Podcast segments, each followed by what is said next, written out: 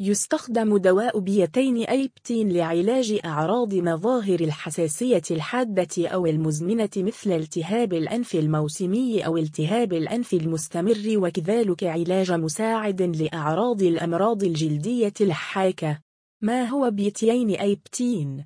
الاسم العلمي بيتين أيبتين تصنيف الدواء مضادات الهيستامين أمراض الحساسية. الأشكال الدوائية أقراص كبسولات جيلاتينية بودرة ثوارة. أو إقراص يحتوي كل قرص على أربعة ملغرام من المادة الفعالة. أو شراب سعة كل قارورة 125 مليلتر من المادة الفعالة. أو الشركة المصنعة كاليونيكا جالينيكا المادة الفعالة في بيتينيبتين سيبروهيبتادين هيدروكلوريد سايبروهبتادين كلورهيدريت دواعي استعمال بيتينيبتين يستعمل هذا الدواء في الحالات التالية علاج التهاب الأنف التحسسي أو التهاب الملتحمة الشراء علاج أعراض أعراض الحساسية الحادة أو المزمنة. محفز الشهية علاج مساعد لأعراض الأمراض الجلدية الحاكة. قد يحفز سيبروهيبتادين الشهية من خلال تأثيره المضاد للتوتر خاصة في حالات فقدان الشهية. موانع استعمال بيتين نيبتين يمنع استخدام هذا الدواء في الحالات الآتية الحساسية تجاه المادة الفعالة سيبروهيبتادين أو المكونات الأخرى للمنتج. خطر احتباس البول المرتبط باضطرابات مجرى البول. الأطفال أقل من سنتين. المرضى المسنون. الرضاعة الطبيعية. الحمل ولرضاعه احتياطات الاستخدام لا تتناول أبدا دواء بيتين أيبتين في الحالات التالية إذا كنت تعاني من حساسية تجاه المادة الفعالة أو أي من المكونات الأخرى. تحدث دائما إلى طبيبك أو الصيدلي قبل تناول الدواء. التزم دائما بالجرعة المحددة من طرف الطبيب. لا يوصف هذا الدواء لعلاج نوبات الربو لا ينصح بشرب المشروبات الكحولية أثناء العلاج. يمكن أن يؤدي العلاج المطول بمضادات الهستامين إلى الإصابة بخلل في الدم.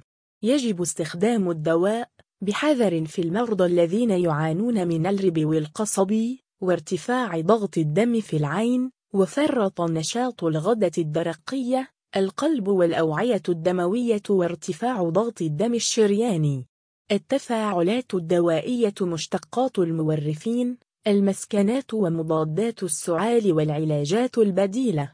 مضادات الاكتئاب. المنومات. مضادات باركنسون. مضادات التشنج الأتروبين. مزيلات القلق. مضادات الذهان. الأعراض الجانبية مثل جميع الأدوية يمكن أن يسبب هذا الدواء بعض الآثار الجانبية غير المرغوبة على سبيل المثال طنين في الأذنين.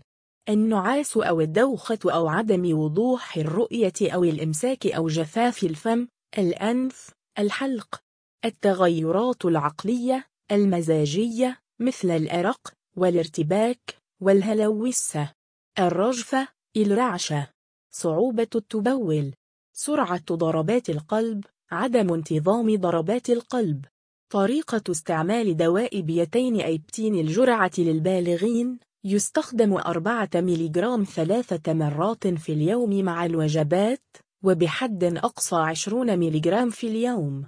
الجرعة للأطفال. من سن 2 إلى 6 سنوات 2 ملغرام ثلاث مرات في اليوم. بين 16 سنة حتى أربعة مرات في اليوم. تناول هذا الدواء دائما تماما كما هو مذكور في هذه النشرة أو حسب تعليمات الطبيب أو الصيدلي. استشر طبيبك أو الصيدلي إذا كان لديك شك. محجوزة للبالغين والأطفال أكبر من سنتين. الجرعة الموصى بها هي جرعتان في اليوم. لا تزيد جرعتك أو تأخذ هذا الدواء أكثر من الموجه. أخبر طبيبك إذا لم تتحسن حالتك أو إذا ساءت.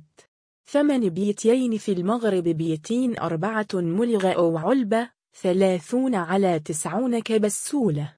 أو الثمن واحد ستة نقط ثلاثة صفر أربعة ثلاثة نقط خمسة درهما. إبيتين شراب اثنان ملغ خمسة مل أو قارورة مئة وخمسة وعشرون مليلتر أو الثمن ثلاثة عشر درهما. طريقة الحفظ والتخزين يحفظ بعيدا عن رؤية ومتناول الأطفال. لا ينبغي استخدام الدواء بعد تاريخ انتهاء الصلاحية. يحفظ في درجة حرارة الغرفة 15-25 درجة مئوية. يحفظ في مكان جاف بعيدا عن الحرارة والرطوبة لا يجوز التخلص من أي دواء عن طريق مياه الصرف الصحي أو النفايات المنزلية.